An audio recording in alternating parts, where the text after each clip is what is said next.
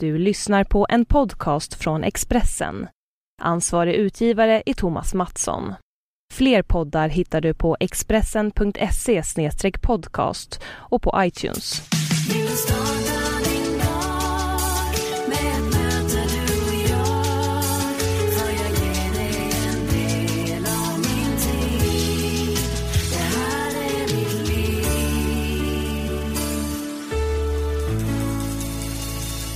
Hej och välkommen till avsnitt 115 av Livshjulet med mig Anna Hegerstrand.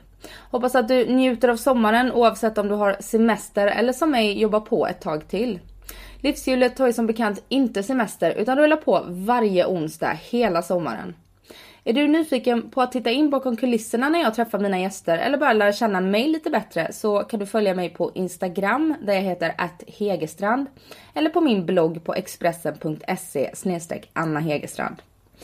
Veckans gäst det är en kvinna som har kommit igenom en tuff period i livet. Hon drabbades av bröstcancer och fick ett år kvar att leva av läkarna. Idag är hon friskförklarad och även om skådespeleriet, musiken och konsten alltid ligger varmt om hjärtat så är det det mediala som får stort fokus just nu. Det är Regina Lund jag har träffat den här veckan och intervjun spelades in i hennes lilla studio Reginas Place på Sankt Paulsgatan i Stockholm den 7 juli. Varsågoda. Men vi sitter ju här i, i din healingstudio. Kallas det sådär? Ja, man kan väl kalla det... Jag kallar det Reginas Place. Jag visste inte om jag skulle stava det Place med P-L-E-J-S eller Place, men det blev engelska eftersom jag är tvåspråkig som barnsben så fick det bli Place på engelska. Eh, det är både konst, jag målar här, jag ställer ut här och eh, jag ger readings här. Så det är det jag gör. Sen sitter jag också och skriver lite låttexter ibland och dikter ibland och tar lite möten och så. Jag hade ett filmmöte här igår och ja, lite så.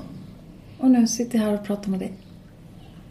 Och det är bara två veckor du har varit här. Ja, det är På helt... Sankt Paulsgatan vid Mariatorget. Japp, Sankt Paulsgatan 24 har jag mitt lilla skyltfönster. Och det är så skönt att gå till jobbet varje dag så här.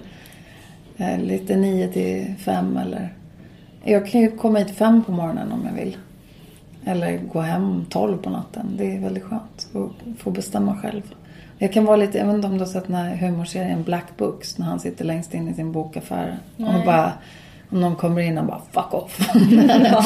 om inte jag känner för att ta emot så behöver jag inte göra det. Men eh, har jag bokade klienter så gör jag ju det. Men liksom själva galleridelen kan jag bestämma över. Eller jag bestämmer över allt. Men jag kan bestämma själv när folk kommer och går. Och om jag vill ha att folk kolla, kommer in och kollar på konsten eller om jag bara vill sitta här själv och vara i min energi liksom. Men hit får vem som helst komma? Som vill Som får göra för mig? reading ja, ja. eller titta på din konst? Då. Ja, mm. exakt. Ja, men det är öppet. Lät jag, jag kanske lät lite frånstötande, det menar jag inte.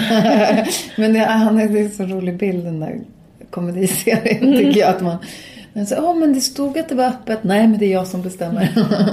så jag har inga så bestämda öppettider. Men folk får boka mig då via mitt telefonnummer 0708 67 07 17 så smsar man om man vill ha en tid för reading. Och eh, då ger jag den tiden och så är jag här då. När, så det är hit man kommer fysiskt. Här är jag fysiskt IRL för readings. Men om man vill kolla konsten då får man liksom tajma in och hoppas att jag är här. Jag är inte alltid här. Är det konsten och det mediala som är navet i det du gör nu? Just exakt, eftersom jag upplevde när jag lyssnade på din fina podd. Du är jätteduktig, jag tycker du är jättebra. Du är en väldigt bra lyssnare. Uh, och jätteintressanta gäster. Så tack för det. Jag har fått en spännande ny värld som öppnade sig tack vare dig. för att du lyssnar. Ja. Jag hoppas att alla ni som lyssnar ska lyssna på den här podden. Inte just den här. Nej, men på alla de andra. Om det är någon, mot all förmodan, som är mina fans då som kollar så tycker jag de ska, eller mm. lyssnar så tycker jag de ska lyssna på dig. Nej, men vad skulle jag säga? Eh, Vi kan ju säga det att det åker förbi lastbilar här utanför. Men det får de stå det. ut med. Hur ska vi bli av med dem? Ska vi spärra av gatan? Spärra av Sankt Paulsgatan.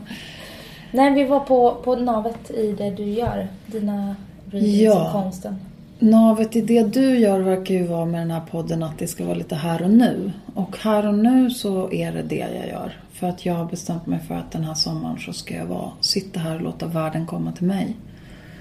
Och då är det att jag är medium och att jag är konstnär som är navet. Sen har ju jag en agent, Actors in Sweden, och jag är fortfarande aktiv skådespelerska. Jag har precis avslutat tre olika produktioner, men inte i Stockholm. Och när man inte är i TV eller i Stockholm och figurerar i tidningar och så, så då finns man ju inte. Men jag har arbetat med tre produktioner. Två komedier och en eh, musikteaterföreställning. I Jönköping bland annat, där du är ifrån. Där ser man. Hur kommer det sig att du inte har varit i, i media någonting och gjort press för det du håller på med? Därför att jag har fokuserat på att göra det jag gör och för att jag har fokuserat på att bli frisk. Jag har fokuserat på att bara göra en sak i taget. Och inte sprida ut mig, tror jag.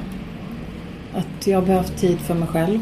Jag har väldigt stort behov av ensamhet och koncentration och fokus. Och i mitt yrke som medium så måste jag också ha väldigt mycket ensamhet för att kunna ladda energier och koppla upp mig på de olika nivåerna. Men också som konstnär. Det är samma källa alltihopa.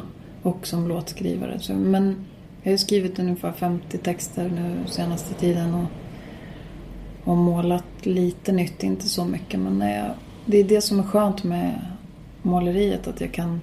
Jag har ingen prestige där. Jag känner inte att jag behöver prestera eller att jag behöver göra någonting som... Mm, ingen behöver tycka om det ens. Utan det är ju bara att jag behöver få ut det jag behöver få ut. Sen är ju jag av min farfar Viggo då, som jag är uppvuxen med. Han var när han levde försvarsadvokat men han var också inköpare av konst till museivänner så han var otroligt konstkunnig. Han tog mig till Guggenheim-museet när jag var tio år och, i New York. Och han lärde mig om, eh, om Picasso och alla de här. Eh, så det finns ju en, en skolning där men jag har ju liksom, jag går ju bara på känsla. Och, till och med när, när jag tycker att det är riktigt fult och slarvigt och kladdigt som när jag var som sjukast. Och, alltså när jag hade cancer och var kroppsligen, jag har ju en matchvikt på 67 kilo. Men då vägde jag typ 90. Och var extremt överviktig och, och mådde jättedåligt och kunde inte röra mig ordentligt. Och det jag målade då var inte så himla snyggt. Liksom. Men det är ändå det är ett tidsdokument. Uh, så att jag ser det mer som att... Um, oj, nu kom det klienter här. Jag måste, eller det kom folk som ville in här. Ska jag säga till? Nej, de får, de får respektera den stängda dörren. Det är typ som jag vill så ut och bara se att folk mår bra. De klarar sig, alla klarar sig. Um, var var jag någonstans? Jo, Eh, jag målade mig frisk. Jag tror att jag har gått liksom hela varvet. Jag, jag, fick, så, oh, jag fick tillbaka livet. Livet, livet, livet, livet, livet, livet. Och wow, så gjorde jag en komedi i Helsingborg på Helsingborgs stadsteater. Så gjorde jag en komedi i Linköping och så gjorde jag en musikteaterföreställning i, i, på Smålands musikteater. Och samtidigt så gjorde jag massa musik och låtar. Och kopplade upp mig som medium och gjorde allt som jag tänkte att det här gillar jag i livet.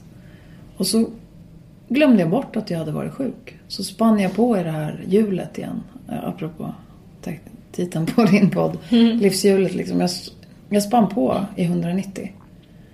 Och så är det som att jag glömde bort att jag just det. Jag har ju faktiskt ett litet handikapp som jag kanske måste titta till ibland. Det här att jag faktiskt inte är i full force. Um, utan att jag är under tillfrisknande fortfarande.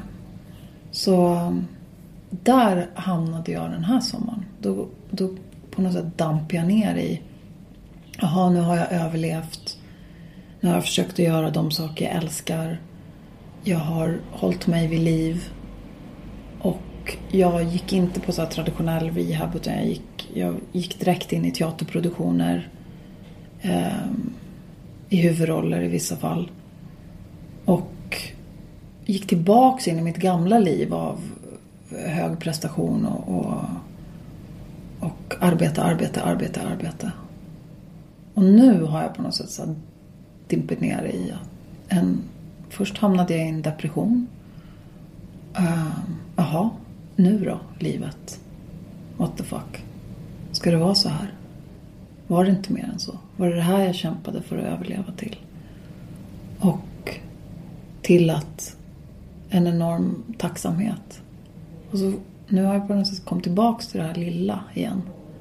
Och då sitter jag här i, på Reginas Place och gör det jag tycker är roligt. För att det här med medialiteten och att ge folk readings och lägga tarotkort och ge healing och ge råd och vägledning, medial vägledning. Det är ju något jag tycker är väldigt roligt och har älskat i 25-30 år. Och då kändes det som att det kändes tryggt. Precis som jag nu helt plötsligt i somras här nu började köra bikramyoga fanatiskt liksom två gånger om dagen. Jag ska göra allting så, in, så, så intensivt varje gång liksom. Men... Eh, är du ur depressionen? Mm, nej, inte hundra. Ja, det, är, det är en kamp faktiskt. Som jag målar mig ur och... Eh, jo men alltså idag är jag ju otroligt glad så att det, jag, ska inte, jag ska inte säga... Jag försöker liksom vara sanningsenlig under en längre tid. Om jag skulle så komprimera hur det har varit så, så skulle jag ju säga att jag är fortfarande deprimerad. Men det är jag faktiskt inte. Inte idag. Men det är en kamp varje dag. Att, eh, för att helt plötsligt står jag där i Bikram yoga-studion och, och så ser jag en överviktig pensionerad kulstöterska i spegeln och så bara oj, jaha, det är jag. så att det är liksom det är att komma tillbaka till eh, kroppen. Jag tror att i början där när jag, när jag blev övertalad av några välvilliga vänner att jag skulle, att jag skulle outa min cancer.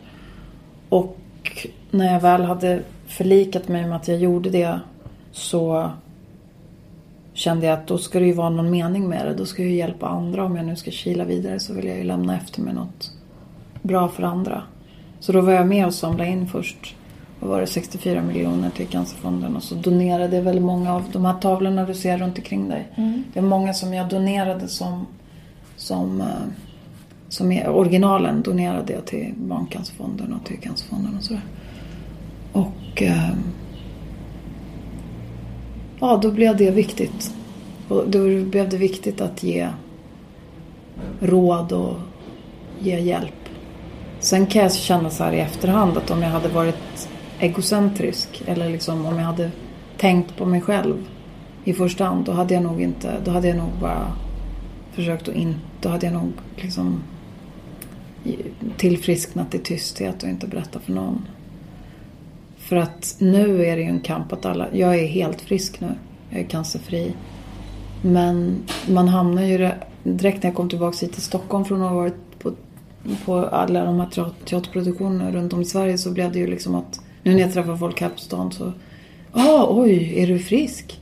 Ja, ja, men jag har varit frisk nu nästan ett år i alla fall. Så... Du känner att folk definierar dig med cancer? Ja, precis. Googlar man mig kommer det upp ett skalligt huvud liksom på en ännu fetare kropp än vad jag har nu. Men eh, det är ju... Det är helt okej, okay, liksom. Jag, jag lever ju, jag är tacksam för det. Men det har varit liksom en kamp att... att nu måste jag liksom övertyga folk att jag är frisk. Och det handlar väl, det är väl speciellt i, inom teatervärlden som där, och eh, film och eh, inom skådespeleriet. För som konstnär så bryr sig ingen vad man... Menar du att eh, man kanske inte vågar satsa på dig för att man är rädd att du ska få tillbaka cancern? Exakt. De vill, man vill väl inte anställa någon som helt plötsligt kan dö mitt i produktionen. Liksom. Så att nu måste jag väl, så fort jag är kanske lite förkyld eller nyser eller ser lite hängig ut någon dag. Eller som i den här videon som vi gjorde, Scandinavian Rain, där jag är helt osminkad och ser trött och sliten ut. Då var jag i Jönköping. så det var Jönköping som gjorde mig så sliten. Ehm, och då såg jag jättesliten ut. Och snubbar i, som är artister och låtskrivare och, och liksom, de kan ju alltid se slitna ut utan att någon reagerar. Men när man är det som kvinna så blir det lite så åh är hon sjuk liksom. Men jag är fullt frisk. Om ni kollar Scandinavian Rain-videon på YouTube så är det en frisk människa. så att det, det har blivit så här mycket det, det är väl också det som är en del av överlevnaden. Okej, man överlever men nu ska jag leva också. Och det hade jag som mål. Men jag tror att vad jag gjorde lite var att jag... Det, jag, jag, jag tror att jag hoppade upp på hästen lite för tidigt. Nu är jag mogen att komma liksom och sätta igång med livet. Men jag tror inte att jag var det riktigt då. Jag tror att jag behövde bara semester. Jag hade behövt åka till en öde och lägga mig och bara vila. Men det är ju skönare att trycka bort det och springa på. Ja, För att slippa vara i det. Du hade ju varit i det så länge. Exakt. Jag var så trött på att vara sjuk och jag var trött på att ligga på sjukhus. Och jag var trött på ensamheten också. Alltså den icke självvalda ensamheten. Så jag har stort behov av självvald ensamhet. Det är en annan sak att jag är lite Greta Garbo sådär. Att jag behöver min ensamhet. Men jag var trött på att inte kunna vara med och leka där jag ville vara med och leka. Liksom. Kände du dig ensam under sjukdomsperioden? Alltså, ja, ja, jag var väldigt mycket ensam. Jag var, ja, ja, jag var ensam. Jag klarade det själv. Sen gick jag ut i media och sa att jag hade fått massa hjälp här och var. Men det var ju mest för att jag ville boosta de människorna. Eller för att jag, framförallt för att jag ville visa att man behöver hjälp. Eh, att alla behöver ha vänner och folk som bryr sig om en när man är sjuk. Så då ville jag visa att det var viktigt och, och därför gjorde jag det. Men de facto så var jag väldigt mycket ensam. och Jag, jag klarade allt själv. Men jag vet inte. Jag vet inte om någon hade fått. Jag hade några enstaka sådär men jag vet inte om någon hade fått.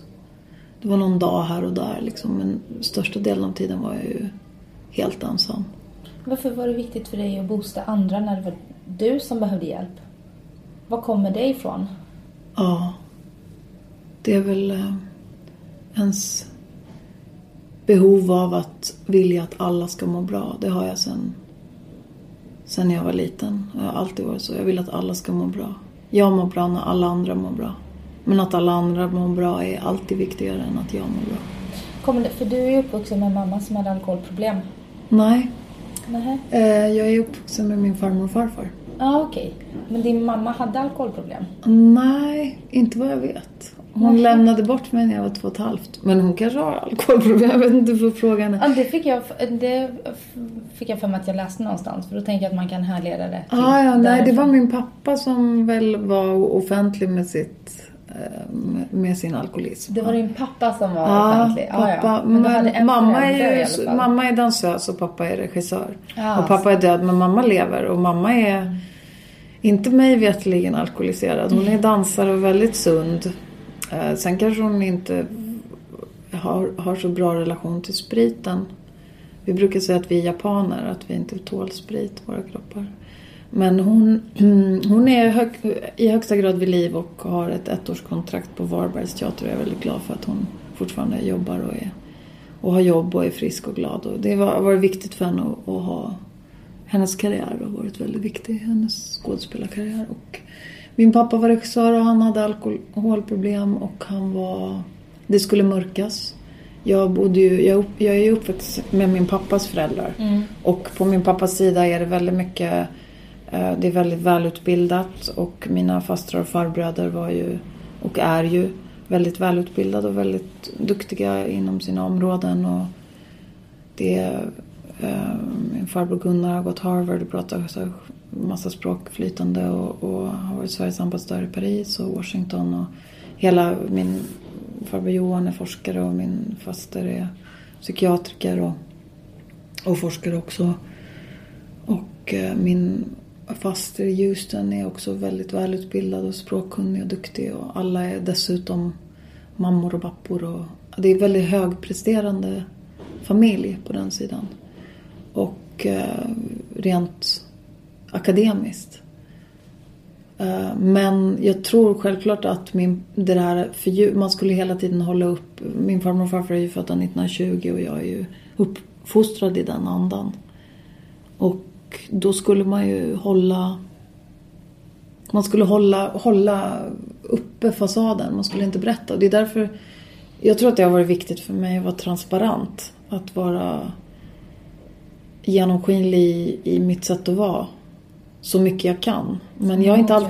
Ja, som motreaktion absolut. Och sen mm. motreaktion, alltså att, att jag har gjort plattor och blivit låtskrivare och sådär och, och, skrivit poesi var ju en, kanske, och låttexter och sjungit och sådär var väl kanske en reaktion. Och att det mest är kärlekstexter och, och, och skön, liksom att, att det är lite vackert sådär.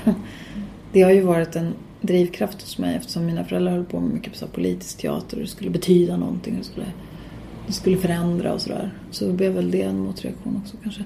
Men din fråga, jag svarar inte på den, förlåt. Um, det är att... Varför har du alltid varit så mån om att andra ska ha det bra? Ja. Även när du själv var dödssjuk? Ja. Ja men det är nog alkoholistbarnet i mig, det tror jag. Alltså att jag, att alla ska ha det bra Ingen får. För att jag, min pappa gifte ju om sig och i det hon tog livet av sig senare och de har min lillebror tillsammans och hon hade två döttrar från ett tidigare äktenskap så jag var ju lite askungen där som hälsade på. Jag bara ville att alla skulle må bra och de, våra föräldrar då, min pappa och deras mamma slog varandra och bråkade hela nätterna och det var mycket våld och eh, mycket rädsla. Och och mycket rädda, rädda lillebror framförallt. Han var ju liksom min första bebis eller vad man säga, som jag ville rädda. Har ni en nära relation idag? Ja, vi bor ihop. Ni bor ihop? Ja, för närvarande gör vi det. Och eh, han är utrikespolitisk analytiker i Bangkok och han är helt fantastiskt eh, fin. Och eh, han eh, jag försörjde honom under delar av hans uppväxt och studietid. Och nu kom han hem från Bangkok och då hade vi inte setts på sju år. Så han kom hem nu och ja, vi tar hand om varandra. Han lagar väldigt god mat och det är inte jag bra på. så att han, eh, han skämmer bort mig med, med god mat och eh, det är väldigt skönt att få ha honom hemma. Och han är ju då riskanalytiker och väldigt eh, smart och klok och välutbildad. Som alla Lund, på hela Lundsidan är väldigt. Min son har ju också fått A i engelska och A i fysik och det är väldigt mycket brains på den sidan. Och min mammas sida känner jag inte så mycket eftersom mamma lämnar bort mig. Så jag har inte så, så någon kontakt med dem. Jag fick lite kontakt med dem när jag blev känd.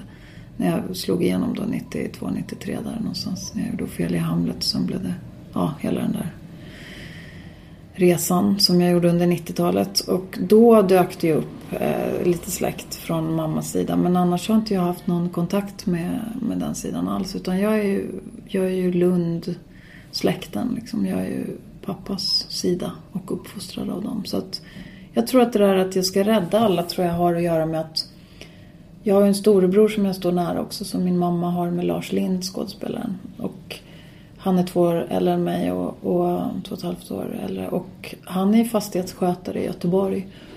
Och mammas sida är ju mer arbetarklass och jag kände att jag har alltid känt, jag, jag kände mig så rik på min uppväxt på det sättet att jag verkligen fått se alla samhällsklasser och alla yrkesgrupper och jag har aldrig dömt jag har aldrig behövt liksom döma att något är bättre eller sämre. Jag har ofta upplevt att de som inte har läst och utbildat sig via böcker och så vidare har större kunskap än de som har det. Och det var min, min sanning när jag var väldigt ung. Och, och jag tror att jag har tagit med mig det in i mitt arbete som medium. Att Eller jag var ju medial när jag föddes och när jag var mindre också men då fattade jag inte riktigt vad det var förrän långt senare. Eller vad jag skulle använda det till. Och jag har stor användning av att jag har haft en så nyanserad uppväxt som jag har haft. Jag skulle inte vilja säga problematisk, jag skulle vilja säga nyanserad. Liksom. Och en del i det är väl att jag vill så här, lära, an, lära andra att se med icke-dömande blick på världen. Och,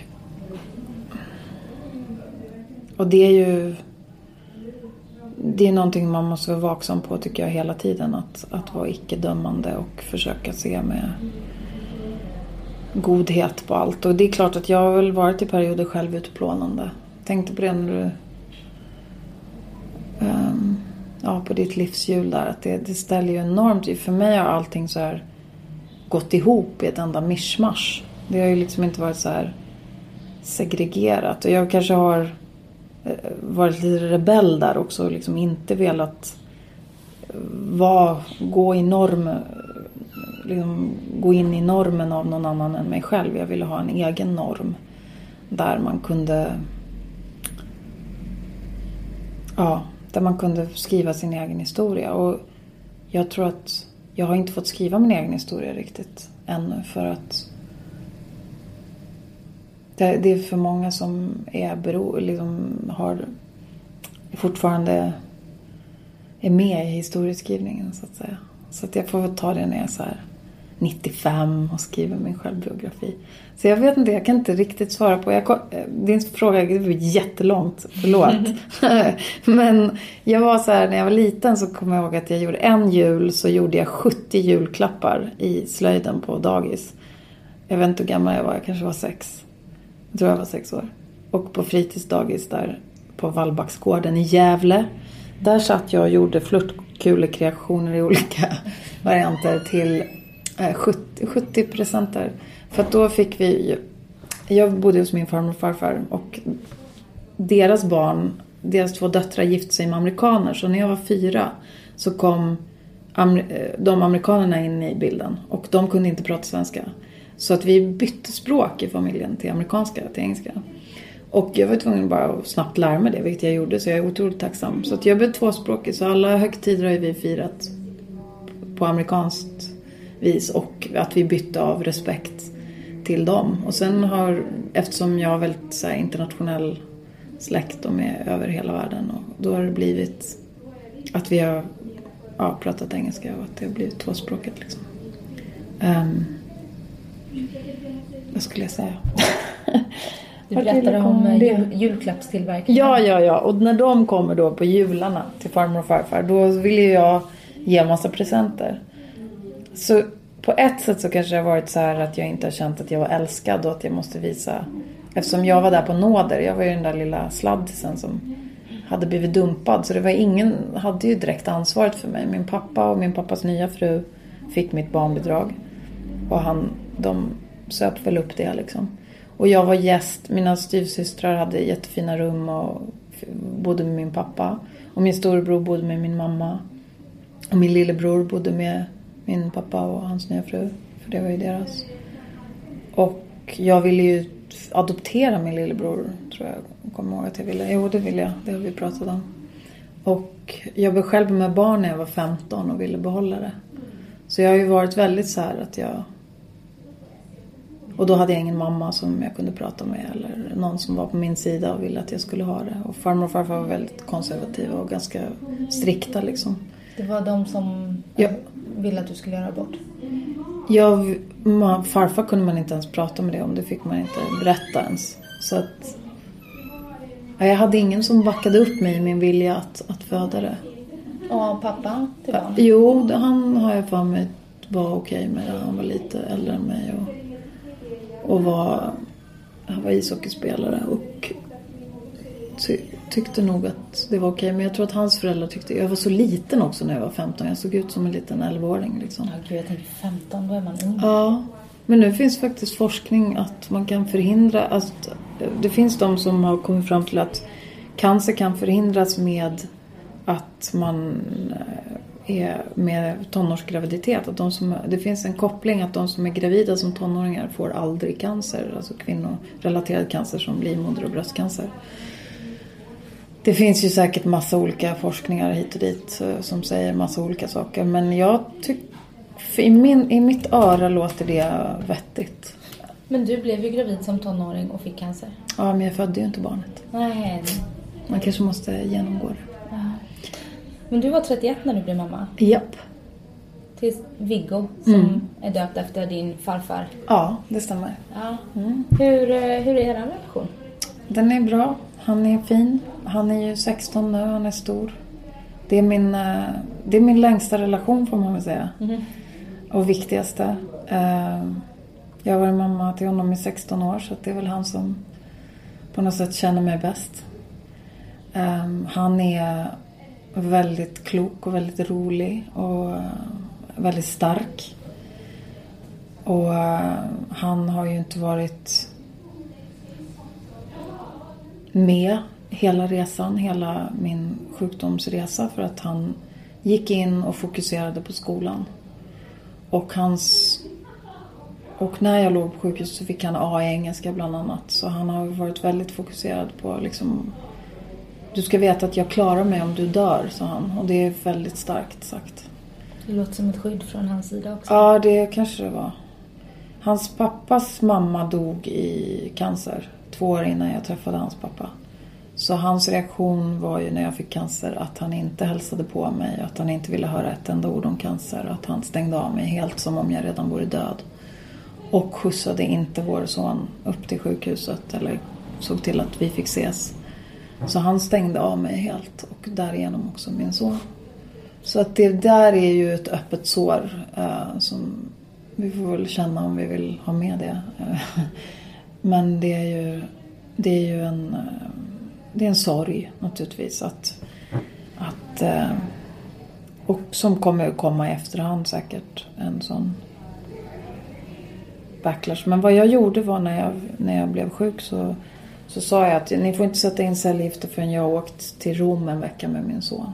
Så då åkte vi till Rom en vecka. Och det var jätteroligt. Och där byggde vi någonting som var lite heligt. Eh, som höll mig vid liv. Och säkert honom också, hans hopp, vid liv. Hur tror du det har påverkat honom att du har varit så, så sjuk? Kan han lita på idag att du inte kommer att dö? Nej, det är klart han inte kan. Det är klart att det finns en rädsla hos honom. Och det är klart att han måste ju tänka på att hur, hur, han fick ju växa upp väldigt fort och bli stark fort och vuxen fort. Och kanske knyta an till människor som han inte hade knutit an till annars. Eh, han har varit enormt stark. Enormt stark. Jag beundrar honom fantastiskt mycket. Och eh, han vet att han är älskad och det har jag haft som nummer ett under våra år. Och att han vet sitt värde. Så jag, jag, det vet jag att han vet. Att det har han fått med sig. Så om jag dör imorgon så vet jag att han, han kommer bli okej. För han vet att han är älskad. Han vet att han... Eh, han vet att han klarar sig och han vet att att jag aldrig lämnar honom även om jag går över på andra sidan. Och jag sitter ju och tittar på en, på en tavla nu eh, som heter Rebirth. Och eh, du sa att eh, det är där jag är nu. Den, den tavlan symboliserar lite i det stadiet jag är nu. Vad menar du med det?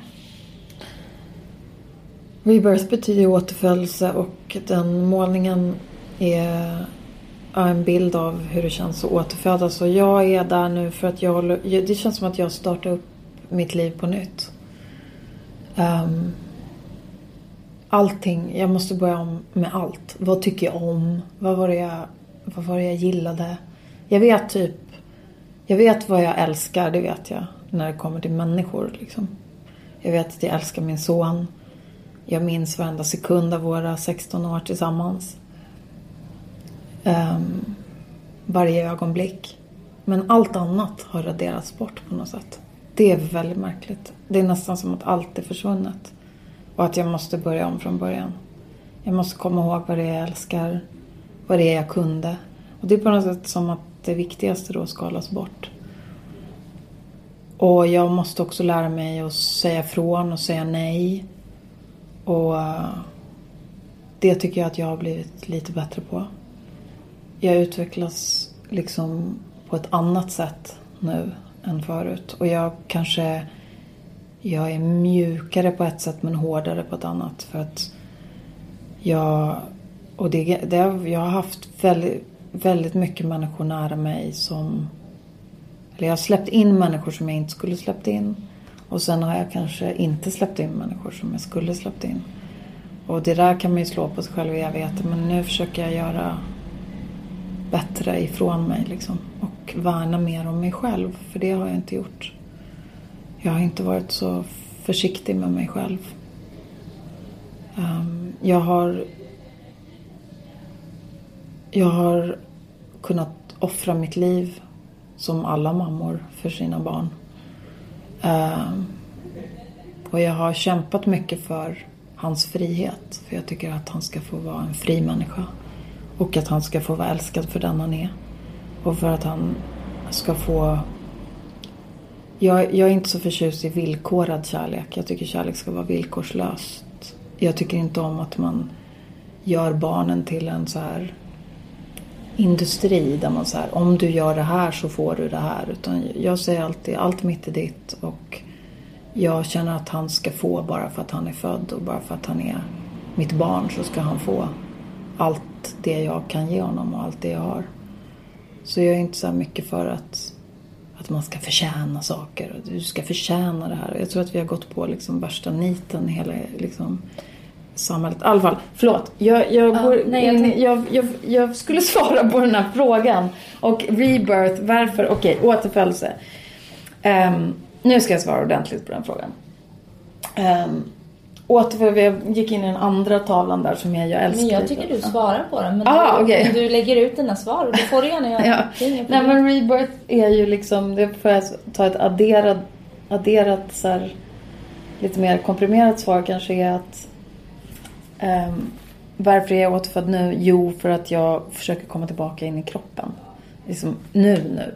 Idag har jag kört ett bikram yoga-pass. Igår, i förrgår, i förrgår så körde jag dubbla bikram yoga-pass. Så jag Ja, försöker komma tillbaka in i kroppen. För att jag har varit så mycket uppe i, i, i de andra världarna. Och varför vill du tillbaka i kroppen? Är det inte härligt här uppe i de andra? jo, det har du helt rätt i. Det är jättehärligt där uppe. eh, Där runt omkring och där. Men det är ju också, nu är jag här. Där kan jag vara sen när jag inte är i den här fysiska kroppen längre. Men nu är jag i den här fysiska kroppen och då vill jag faktiskt vara i den också. Och jag vill finnas här för min son. Jag vill finnas här för världen som de som behöver mig. Och jag vill finnas här för mig själv så länge jag behövs. Så länge jag ska. Och jag känner att det inte är riktigt dags för mig att gå än. Utan det känns som att jag har lite kvar att göra. Så på det sättet så är det en återfödelse. Att jag har bestämt mig för att jag ska vara i min kropp. Sen kan jag ju ha, som medium och när jag kanaliserar och gör allt det som jag gör så, så eh, måste jag ju och vill. Oj, nu åker Vad hade vi inte stoppat trafiken här på Nej, vi gatan? hade inte gjort det. Det funkar inte i alla fall. Eh, det har blivit en populär gata. Ja. Um, nej men... eh, jag bara känner att jag måste komma tillbaka ner i kroppen. Jag tror att jag lämnade kroppen en tid och sen... Nu håller jag på att komma tillbaka. Och det är ett sätt man gör när man, när man har stort lidande. Så lämnar man ju kroppen. Då, då är det skönt att gå upp i det icke-fysiska. För du är mindre smärta där. Så det har ju varit ett sätt att rädda livet på mig själv på flera plan. Och det var även när jag kände mig väldigt under hela 90-talet när jag var så här sjukt jagad från alla håll eh, på grund av min berömmelse. Så jag tror att det har skadat mig lite att jag har blivit lite, jag är kanske lite onödigt misstänksam. Och, eller fått lite onödigt många stalkers och så. Har du svårt att lita på människor? Ja, det har jag. Både och. Jag kan vara sådär öppen och släppa in folk hur som helst. Utan att tänka mig för. Och eh, sen kom jag på efteråt att oj, jag skulle kanske skyddat mig lite där. Och det betalar jag ett högt pris för. För att jag vill tro gott. Det tror jag alla vill. Men jag tänker gott om alla tills motsatsen är bevisad. Och ibland bevisas motsatsen och då har jag kanske varit kvar lite länge. Istället för att gå direkt. Så det tycker jag är viktigt att man att man går direkt. För att säga nej och tack så mycket och hej då till någon kan ju vara den största kärlekshandlingen man gör. Därför att då får den personen gå och hämta sitt öde. Där den ska vara. Kanske få en bättre liv. Ehm, man är ju inte källan till allas lycka. Men man är ju källan till någons lycka. Och då gäller det att hitta det liksom. Ja, man sätter sig själv på lite väl höga hästar många gånger. Exakt. Och det är ju, man är ju inte lösningen. Utan alla är ju lösningen tillsammans. Och jag tror att rädslan är väl det som har hindrat mig i livet. Jag, jag tror att det är ett globalt problem, rädsla. Jag menar, kolla vapnen i USA och vapnen i världen. Och... Roten till all ondska skulle jag säga. Ja, verkligen. Så alla, det är väl liksom svårt när man ska sortera bort alla så här rädslobaserade saker. Um, och se klart. Vad i det här är min rädsla och vad i det här är mitt mod. Och vad i det här är så himla modigt så att det nästan är övermodigt för att jag är så rädd. så att det där... Jag tyckte att det var lättare. Jag började ju mitt liv som i artistvärlden som komiker framförallt. Och då var det lättare att vara transparent. För då, kunde jag, då använde jag min karaktär Laila Klang och hon kunde ju liksom säga och göra vad som helst. För då var jag en karaktär. Jag tror att jag hade min farmor och farfars 1920-tals uppfostran att jag skulle vara eh, att jag skulle vara så här himla ordentlig och rätt och man ska inte visa utåt om man är sjuk eller fattig. Eller jag, jag dolde ju min pappas alkoholism i alla år. Mm. Det var ju först när jag kom hit till Stockholm. Som, jag växte upp i Gävle och när jag kom hit som 19-åring. 18-19-åring till, jag var i USA som 17-18-åring och sen kom jag hit till Stockholm som 19-åring. Och då var det så här, träffade jag folk som jag, som berättade om min pappa liksom. Men hans alkoholism var ju inte, det var ju mer hans geni folk pratade om. Att han var så genialisk och såg rakt igenom människor och kunde säga, var väldigt bra på personregi och var den första som hade introducerat närbilder i tv-teatern och sådär. Och, och, att han var väl, och skådespelare som han hade förändrat livet för och sådär. Och verkligen, han är, och det är kanske därför jag hamnar här på Reginas Place på Sankt Paulsgatan 24. För om man går runt hörnet då är det Rival och den, den eh, teatern ägde min pappa när han levde. Han hade gjort den till teater. Så han var den första som såg att det this was the place liksom. Att man skulle göra teater av det stället. Så att eh, det är kanske lite att jag så här söker mig tillbaks till där pappa röjde runt liksom. För att hila det också. Och just när man pratar om healing och dig som, säger man medial vägledare eller?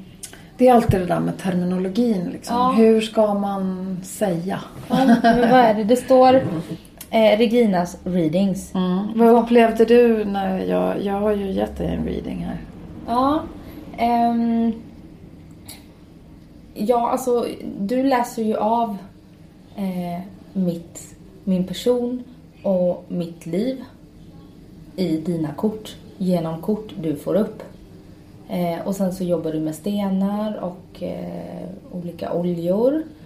Eh, och sen så med din intuition och din, eh, din eh, eh, vad ska man säga, high sensitive personality. Alltså, det är terapeutiskt fast det är på en andlig nivå. Beskriver jag det rätt då? Jättebra. Kanalisera kallas det när, man, när jag fick in din mormor och så. När jag tar in budskap till dig. Ehm, det stämmer allt du säger. Det tycker jag är en bra beskrivning. Du beskriver det nog bättre än vad jag gör. Jag tycker att det är svårt att hitta ord för det jag håller på med. Jag tycker att det är svårt att... Därför att allting... Säger man att man är healer så kommer det... He, först kommer ett helt gäng som vill ha medicinska bevis. Det är, jag, kan ta ett exempel. Om du tänker dig att vara medium är ungefär som att vara yogalärare. Du gör, du har, du gör samma yogapass. Säg att du gör bikram-yoga. Då är det bikrams rörelser du gör. Du undervisar i dem. Det är precis samma rörelser, samma schema, samma tid, samma temperatur i rummet. Som när din kollega gör den mm. yogaklassen. Det är bara det att när du gör det så är det din röst och det är ditt sätt. Och din inriktning. Men det är exakt samma rörelser. Det är ungefär samma sak med medialiteten. Att man, man, har, man tar in det högsta bästa för personen som kommer. Sen hur man gör det, det är ju individuellt. Men det är samma krafter som, är, som verkar. Det är samma önskan om det högsta bästa. Jag håller inte på med svart magi och sånt. Jag, jag, tycker inte om det. Vad innebär det? Det är människor som skickar förbannelser på folk och som gör... Men skulle du kunna göra det om du vill? Jag vill inte, alltså kan jag inte. Nej. Jag skulle hellre vilja uttrycka det så. Självklart, vem som helst kan göra det. Jag menar när någon... När det blir masspsykos eller, eller masshets mot någon så är det en slags svart magi. Det är mycket kraft som går negativt mot en person. Eh, jag har varit föremål för det men jag har aldrig utövat det själv. Jag skulle aldrig göra det heller. Jag vill inte det. Eh, stöter du på mycket motstånd? Ja, baserat... Det är okunskap. Eh, sen finns det ju de som vill eh, som har skapat sin karriär på att ligga högst upp på Google-sökningen och då tar man och gör eh, dramatik av saker som man inte känner till eller inte respekterar. Och jag tycker att allting, allting har sin motsats och allting ska få vändas och vridas på.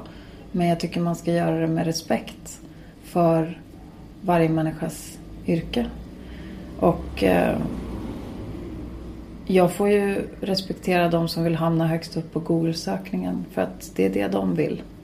Men eh, jag tycker inte ändamålen helgar medlen. Jag tycker inte man får skövla människooffer för att man inte tror likadant som någon annan. Så att visst, jag har ju jag har blivit häxjagad och hetsad mot. Men jag har också blivit hyllad och tackad för att jag har räddat människors liv och förändrat människors liv. Så att jag tycker det väger upp faktiskt med åren. I början när jag höll på för 20-25 år sedan, då var det ju värre. Då var det ju mindre förståelse. Men eh, jag, jag tror också att motståndet ligger också i att ska jag göra det här fullt ut? Ska jag göra det här heltid och ta klivet fullt ut och göra bara det här? det är väl liksom motståndet till mig och då avspeglas det väl i att jag blir satt på prov av eh, omvärlden också. Och, och, det är lite ironiskt att, att sån här verksamhet ibland kallas new age. För det är ju egentligen old age borde det mm. heta. För att det har ju liksom tarotkort till exempel från 300-talet. Alltså det jag gör är ju inte att jag läser korten framförallt utan jag läser dig och jag får information från en högre kraft kan man säga. Eh, som är egentligen din kraft som du förmedlar och så sorterar jag ut det utifrån den informationen jag får. Och korten är hjälpmedel? Korten är hjälpmedel och inte... Ja, jag tycker det är mer för kul. Precis som man kan säga yoga är en lyx. Eller du går på ett träningspass, det är lyx. Men det är också medicinskt eh, välgörande för dig. Det är också mentalt välgörande. Det är också själsligen välgörande. Det är också praktiskt, fysiskt, på alla plan välgörande. Men man kanske inte säger att man går på gym av medicinska skäl. Men det blir ju en bonus. En bonus. Och det är samma sak med en, en medial vägledning. Att man måste Måste, måste man inte. Måste ingenting, måste inte ens dö. Men det är kul att tro på det magiska. Det är kul att tro på att det finns något högre. Att, att vi kan läka så här snabbt. Jag är ju extremt medveten om att eh, eftersom Jag har eh, läkare och psykiatriker i släkten och jag vet vad de, vad de gör för slags underverk. Men jag tror att det finns underverk överallt. Och att alla gör underverk hela tiden. Så för mig är det här jag gör lika naturligt som att dricka ett glas vatten. Det är inget konstigt. Alls överhuvudtaget. Så magin finns ju överallt. Det finns i det arbetet du gör. Jag lyssnade på några magiska poddar du har spelat in. Så att det finns magi överallt. Um, I varje människa. Och det är ingenting unikt. Utan varje människa är unik. Och magin och det övernaturliga är egentligen det mest naturliga. Därför det är någonting som finns hela tiden. Och sen väljer vi att gå in i det eller att gå ur det. Det är man ju fri att göra. Så det finns ju en frihet i att hålla på med det här. För att när man är så disciplinerad och hållit på så länge som jag, då kan man gå in och ur det. Då är man inte liksom överväldigad av det. Eh, Perioder när jag har varit för uppkopplad och för öppen, då kan jag ta in en hel, en hel stad eller en hel, ett helt land eller en hel folkgrupp och då blir det lite övermäktigt och då får man ju pausa eller se vad det är man ska göra där. Är du bra på att slå på och slå av? Kan nu, det tydligt? Nu är jag det. Nu är jag det. Förut var jag inte det. Det är någonting jag har fått lära mig på empirisk väg. Så trial and error.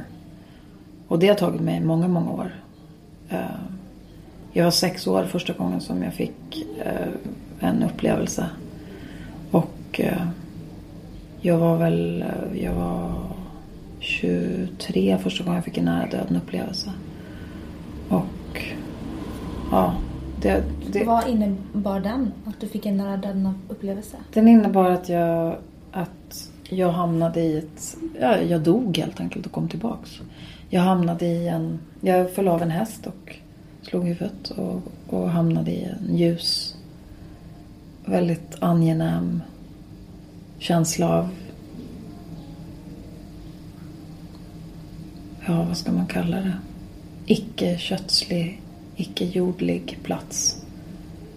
Som där allting är ljust och enkelt och varken euforiskt eller deprimerande utan bara stilla, stillness. Och eh, jag hamnade, jag såg allting uppifrån och jag hamnade utanför min kropp. Och jag fick ett klart val. Välja att gå ner eller välja att stanna kvar där uppe. Och jag valde att gå ner. Dum som jag var, jag får säga. Eh, det var nog tur. Jag valde det i alla fall. Det är mycket smärtsammare att vara i kroppen. Så nu fick jag en chans till då när, när the big C slog till. Att välja. Ska jag ge efter för cancern och dö eller ska jag vara kvar? Nu säger jag inte att alla har ett val. Det är inte det jag säger. Men, men jag, jag, jag har ju kämpat för mitt liv och det tror jag gör skillnad. Om man vill vara kvar. Om man kan komma på alla saker som man vill leva för ju snabbare och ju mer intensivt och passionerat och kärleksfullt man kan komma på vad det är man verkligen på riktigt älskar. Då, är det, då kan det hålla en kvar.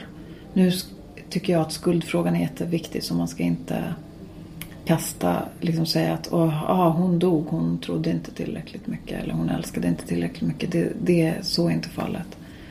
Men det hjälper att komma på vad det är man älskar för att hålla sig kvar i livet. Och det gäller inte bara cancerpatienter utan det gäller alla som drabbas av någonting. Där du får ett val. Ska jag vara kvar i livet? Eller ska jag inte vara kvar? Och meningen med livet är ju att uppleva livet. Att uppleva allt som känns. Att uppleva kärlek. Att uppleva alla känslor. Även de, de låga depressionerna. Alla berg och dalbanor.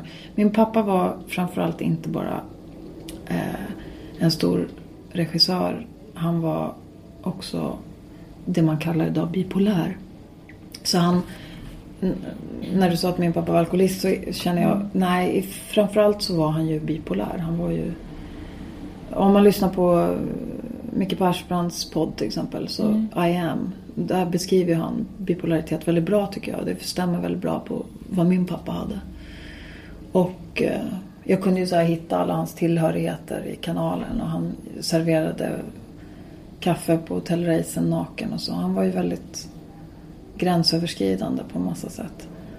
Och men han älskade livet så han var kvar hela tiden fast jag hittade honom i snön med lungorna fyllda med blod och döende och så in på MIVA återupplivningen och så upp igen. Och han fick liksom en andra chans hela tiden. Eller han såg till att skaffa sig det. Men på slutet så gick det inte längre. Och då var han, när jag såg honom ligga där på dödsbädden så, eller tre dagar innan han dog, så var han väldigt fred, tillfreds. Och det kan jag känna är någonting som jag tror att när vi släpper taget om livet så gör vi det. Liksom, eh, släpper vi taget om livet. Sen om vi släpper taget i ångest eller släpper taget i glädje. Men släpper taget om livet. Och jag tror att jag är på en punkt där jag har bestämt mig för att inte släppa taget om livet.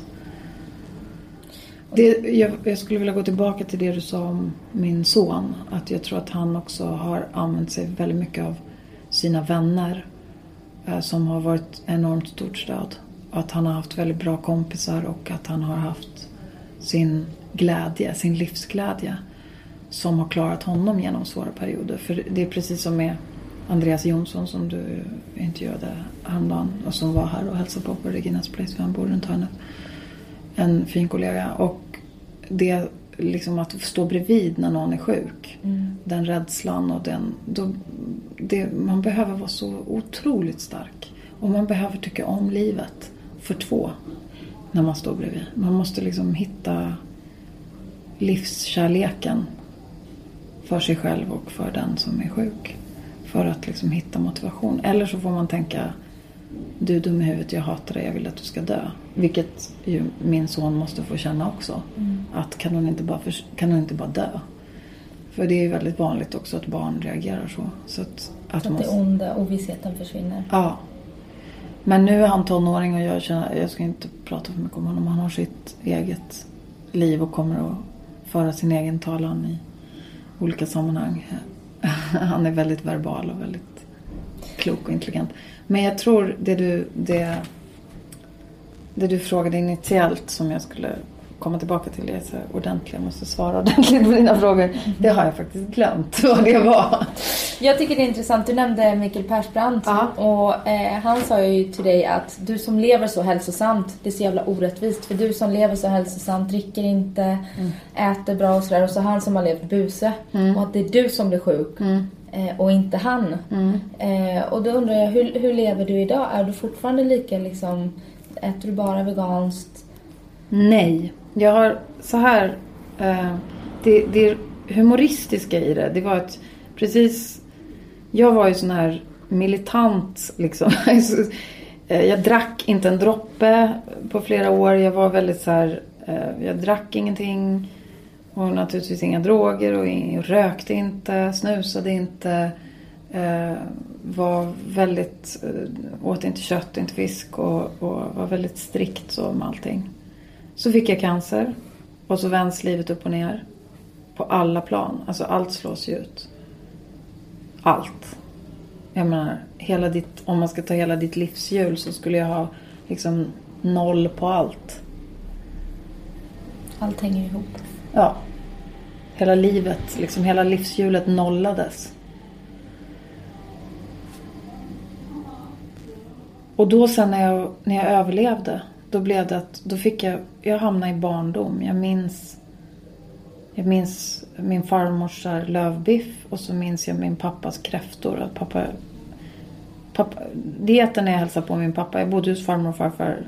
Det var de som liksom gav mig mat och kläder och jag bodde hos dem. Men jag hälsade på hos mina föräldrar på olika turnéer och platser och teatrar och sådär. Och då när jag hälsade på pappa då var det liksom, han drack ju rödvin och jag fick äta kräftor och godis och vattenmelon. Det var liksom, det är ett under att jag inte fick skörbjugg. Pappa fick däremot skörbjugg ett tag, det är sant. Helt sjukt. Han åt typ bara konserver. Ja, men... ehm, Eh, så, så det var ju det, var, det var någonting som kom upp då. Att jag, jag fick sån här craving. Och jag måste äta kräftor och lövbiff. Det var som att jag ville få tillbaka min trygg, trygghet. Eh, farmor och farfar och pappa på något sätt. Och då började jag äta det. Och sen kom en kompis som sa, fan Regina du har överlevt en dödlig sjukdom, ta ett glas vin liksom. Så då började jag dricka vin. Och jag kickade morfinet lite tidigare än vad man skulle göra. Um, så att jag... Den enorma smärtan som det var att ta cellgifter, det var ju liksom... Man måste trösta sig på något sätt efter det. Varför kickade du morfinet då? Därför att jag ville vara ren. Det var väl någon sån här... Jag ville... Det var viktigare än den smärtan? Ja. Jag ville inte bli beroende av något. Det har varit en viktig grej för mig. Jag vill inte bli beroende av något. Det är kanske därför jag inte har haft så långa relationer. Jag har inte velat bli beroende. Av någon person? Ja. För att jag vis visste ju att jag kommer bli sviken förr eller senare. Liksom. Så då har jag tänkt att... Varför visste du det? Därför att min mamma lämnade mig när jag var två och ett halvt. Och det, den längsta... Jag har en barndomskompis eh, som jag har kvar sen. Och hon träffade mig. Hon var den första som träffade mig när jag var två och ett halvt och kom till Gävle. Hon heter Camilla Englin och henne är jag fortfarande kompis med. Och vi är fortfarande väldigt nära. Och det är den personen jag litar på som känner mig. För att hon träffade mig när jag var så liten och hon vet vem jag är. Och så min son förstås. Då och har, mina bröder. Då har du bevis på långa relationer. Ja, det har jag. Ja, ja, det är klart. på att liksom, du inte behöver bli lämnad. Ja, nej, det är sant. Nej, Camilla hon, hon, har, hon har fan inte lämnat mig en sekund. Det har hon inte. Henne, jag åker till Gävle och lägger mig på hennes soffa när det blir riktigt kris. Hon har söderparfym i Gävle och där dimper jag ner lite då och då. Sitter och pratar med henne. Och det är skönt med någon som kände en innan berömmelsen. Och som, jag vet att hon inte har en hidden agenda. Jag det, det är jag ju lite skadad av ska jag erkänna. Av eh, både starfuckers och stalkers och sådana som har velat vara nära mig för att få... De har haft en hidden agenda, de har velat någonting annat. Så det, det var ju en sån massiv attack på mig under så många år. Så att jag, jag tror att jag... Ja, jag har, det har nog skadat mig lite. Samtidigt som jag har revol, revolterat mot det och liksom öppnat mig ännu mer för att liksom vara transparent på något sätt. Hur tänker du eh, kring kärleksrelationer och sådär nu?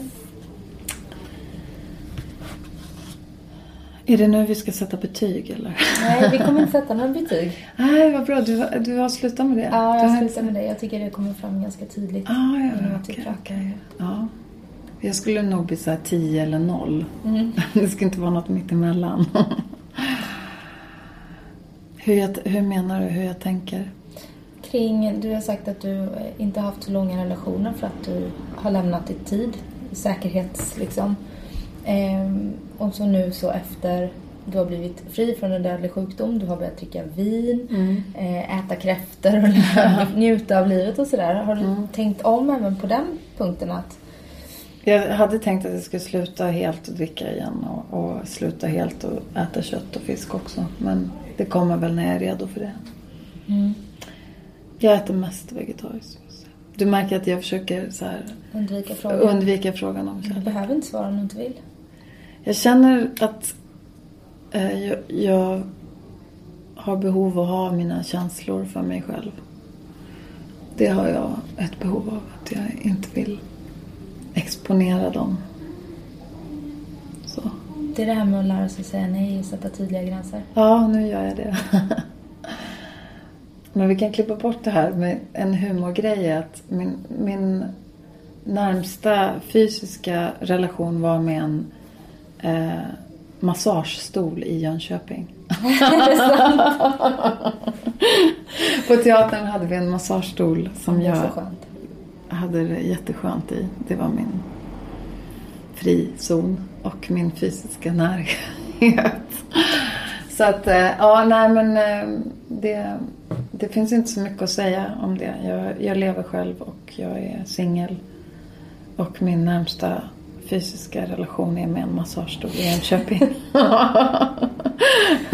Jag tror att de Jönköpingsborna vet nog vilken massagestol det är kanske. Ja, den, Eller vad står den den, bakom den, scen? st- den står backstage på Smålands musik och teater. Så att eh, det, var, det var det hela. Det var det hela. Nej men jag har varit eh, singel länge. Och jag håller väl på att ta reda på vem jag är och vad jag vill. Och det känns skönt att jag vet vem jag är. Och jag vet att jag älskar mig själv nu. På riktigt. Inte så att jag säger det för att jag tycker att sådär som när jag skriver You're perfect just the way you are, Rainbow Star-låtar och så. Då menar jag det verkligen men det är inte sagt att jag gjorde det själv. Att jag tyckte att jag var perfekt. Och det tycker jag inte nu heller men jag har på något sätt accepterat mig själv med alla mina fel och brister. Sen kanske man inte står ut alltid när man ser sig själv i spegeln på Bikram yoga om man ser ut som en överviktig kulstöterska.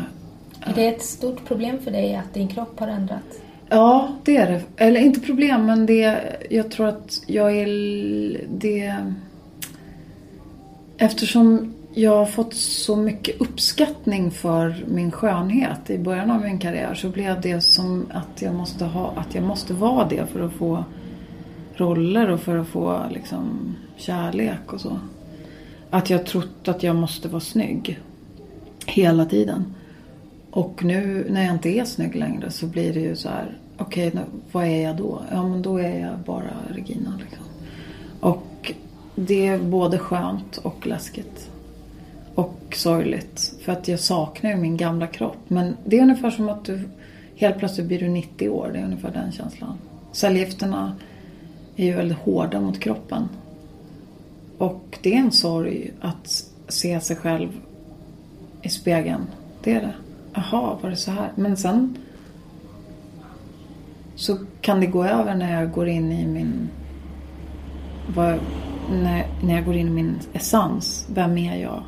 Då kan jag, ty jag tycker om den jag är inuti. Men jag är inte så sams med den jag är till det yttre. Det är så tvetydigt för jag förstår precis hur Mm. du menar och att man liksom definierar sig själv genom utseendet. Samtidigt som när man har varit så sjuk eh, och fått livet att det inte borde spela någon som helst roll. Jag vet. Och det är det som är så förmätet. Man tycker what the fuck, vad säger jag? Jag har ju för 17, jag ska ju vara tacksam varje dag som jag lever. Men det här tror jag faktiskt många som har varit igenom det jag har varit igenom kan vittna om. Att man blir... Eh, man blir snabbt frisk på det sättet. I negativ bemärkelse. Så blir man snabbt... Kommer man snabbt tillbaka i dömandet av sig själv och sin... Att, att man ska prestera och allt det där. Och så glömmer man allt det här som man har lärt sig. Eller jag gjorde det i alla fall. Jag glömde en period. Allt det här jag har lärt mig. All min kunskap. Allt. All smärta, all sorg, all... Allt. Bara så här. Och så är jag tillbaka i att jag måste vara perfekt och leva upp till massa saker. Men nu, varför jag, för att återknyta till Rebirth-målningen som jag för övrigt målade 2011 innan jag fick cancerbeskedet. Som en slags, att jag förutsåg att jag skulle bli sjuk och, och återfödas. Så nu har jag den som en slags tröstvision. Att jag fick en chans till. Och vad gör jag av den nu? Men man hamnar i det här kötsliga. När man kommer in i kroppen så kommer alla de här. Jag borde vara så, jag borde göra det och sådär. Och jag vet inte varför vi, varför vi är så som människor. Varför vi, varför vi liksom inte tycker att vi duger. Jag kommer ihåg, jag, jag gick på scenskolan i Göteborg och jag var, min längsta relation är med Per Graffman. Vi var ihop i nästan tre år. Så jag tror jag har en gräns på två år. Sådär. Två, två, två och ett halvt brukar jag Eller ja. Men vi var ihop i nästan tre år när jag gick på scenskolan. Och jag kommer ihåg att vi pratade om det. Vilket jag frågade honom. Vad är mest attraktivt för dig om du går på gatan? Är det att någon är snygg eller att någon är känd? liksom, vad tror du, inte för honom just specifikt, men för mänskligheten. Vad är det, liksom, vad, vad, vad är, vad väger högst liksom? Att någon är snygg eller att någon är känd? Och då sa han utan att blinka att någon är känd. Och då kom jag ihåg, det här var innan jag blev berömd. Då kom jag ihåg att jag tänkte, jaha då är det känd jag måste bli. För att få kärlek. För snygg var jag ju på den tiden liksom. Men det fattade jag inte då heller. Tyvärr. Om man hade uppskattat det man hade då. Det är synd. Att man säger inte... alltid min mamma till mig. Ja, ja, det tycker jag din Du mamma blir är bara klok. värre. Så. Nej men det kommer ju någonting annat. Man får ju bara acceptera och gilla läget. Mm. Och eh, jag tyckte om mig själv när jag var tio år och elitgymnast. Jag älskade att hålla på med gymnastik. Jag älskade att träna. Jag älskade att tävla. Mellan 8 och 12 gjorde jag det. Och sen ringde min mamma som inte hade hand om mig alls. Eh, och var, hon var i andra städer och spelade teater och var med andra killar och andra barn. Och, och hon ringde och sa att Åh, det fanns någon eh, undersökning. Nadja Comaneci hade blivit sjuk av att träna så mycket och jag skulle inte träna så där mycket. Och då såg min farmor och farfar till att för en gång skulle lyda henne av någon underlig anledning. Så då peppade de mig till att sluta med gymnastiken och jag lyssnade på dem. Och började istället gå ut och dansa och jag började dansa och undervisa i dans och göra musikaler och, och, och komedier och teater och farser och sånt där också i, i och för sig i 12-13 års ålder. Men det gjorde att jag slutade med gymnastiken och det ångrar jag jättemycket. Och sen dess har inte jag kommit tillbaka i min kropp känner jag. Men du var ganska ung när du slutade med gymnastik. Ja, jag var 12. Så nu gick jag in i dansen och sen när jag åkte till USA så gick jag upp jättemycket i vikt när jag var 17. Då började jag med vattenpolo och contemporary dance och, eh, och simning. Och så gick jag upp säkert 17 kilo. Och eh, sen dess har inte min ämnesomsättning blivit riktigt återställd. Men handlar inte det om att du var 17, du hade kommit in i puberteten? Du var ett barn fram tills dess, och sen blev du kvinna. Ja, jo, absolut. Absolut att, att eh, För jag har också vändningen jättesvårt kvinna. att acceptera den. Att, att man blir kvinna, ja, absolut. Men det hände ju lite tidigare. Det här var nog någon slags eh, hormoniell reaktion på den amerikanska maten. Jag, jag älskar mina släktingar i USA och jag älskar jättemycket med USA, verkligen. Och jag har haft otroligt lyckliga stunder där. Eh, verkligen. Men de måste ju göra någonting åt maten och det är då jag liksom hela Alltså köttindustrin, jag, jag, jag tycker att alla ska vara vegetarianer och jag, jag förespråkar det verkligen. Eh, även om jag inte 100% efterlever det själv nu. Just nu. Ehm, men som man behandlar djuren på planeten, det är, det är för jävligt. Det, är- det, är inte, det är inte rätt det vi gör nu. Vi kommer få betala och vi betalar redan för det. I form av olika sjukdomar. Och ehm, det måste ske en förändring.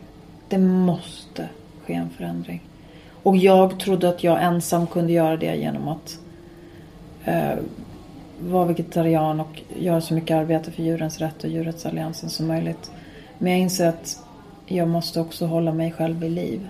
Och då blev det en konflikt i mig och det är det fortfarande lite en konflikt. Men eftersom jag har personlig erfarenhet vad den här preparerade maten gjorde med min kropp. Eh, med ämnesomsättningen. Så är jag den första att skriva under på att det verkligen behövs en förändring. Jag är inte rätt person att säga exakt vad det ska vara. Men eh, det förändrar kropparna. Det gör det. Till någonting som kanske är inte så friskt. Så där måste ske en förändring. Det säger sig självt att vi proppar i djuren för att förändra deras kroppar. Ja, ja. Det är klart att vi blir förändrade när vi äter. Hade du intervjuat mig för fem år sedan eller fyra år sedan eller tre och ett halvt år sedan innan, innan cancern. Då hade jag kunnat liksom, då hade jag suttit med ett brandtal just nu. Då hade jag liksom varit helt lycklig över att få en och en halv timme typ och bara prata om varför vi inte ska äta kött. Men jag tror att det här med, precis som med religioner och, och dogmer och, och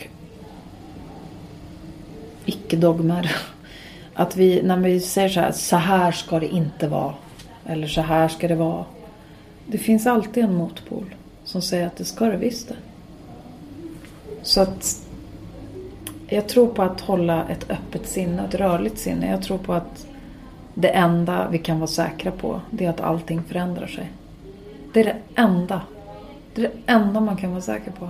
Allting förändrar sig. Så det, det gäller bara att, att leva i nuet. Alltså det är det enda man kan. Hur överjävligt saker och ting än är och hur desillusionerad man än är. Hur mycket smärta man än har i hjärtat och i kroppen eller i... Ja, när man blir desillusionerad över hur människor behandlar varandra eller människor behandlar djur eller vi behandlar varandra inom en familj till exempel.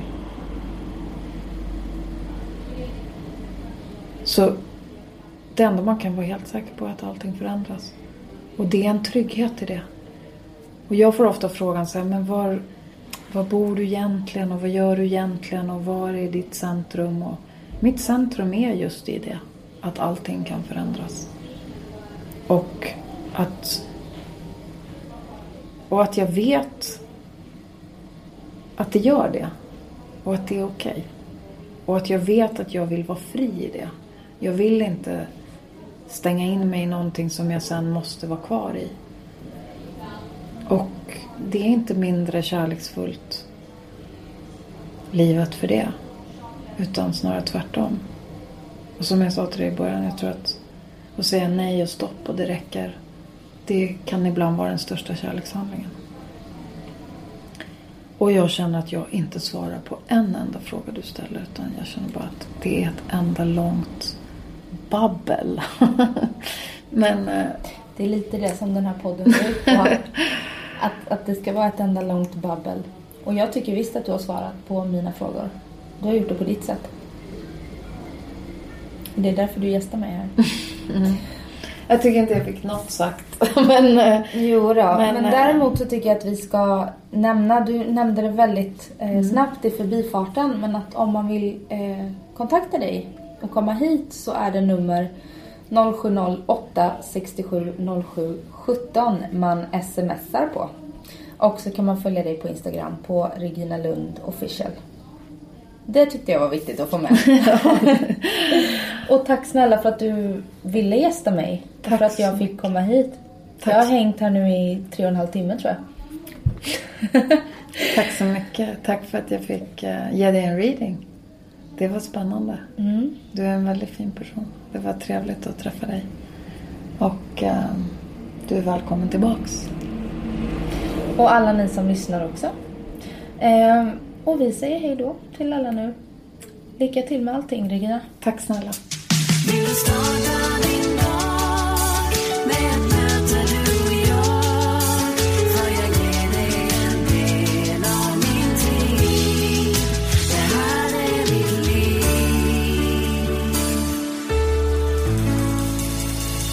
Du har lyssnat på en podcast från Expressen. Ansvarig utgivare är Thomas Mattsson. Fler poddar hittar du på expressen.se podcast och på iTunes. Med Hedvigs hemförsäkring är du skyddad från golv till tak oavsett om det gäller större skador eller mindre olyckor. Digital försäkring med personlig service, smidig hjälp och alltid utan bindningstid. Skaffa Hedvig så hjälper vi dig att säga upp din gamla försäkring. Hedvig Hemförsäkring, ett klick bort.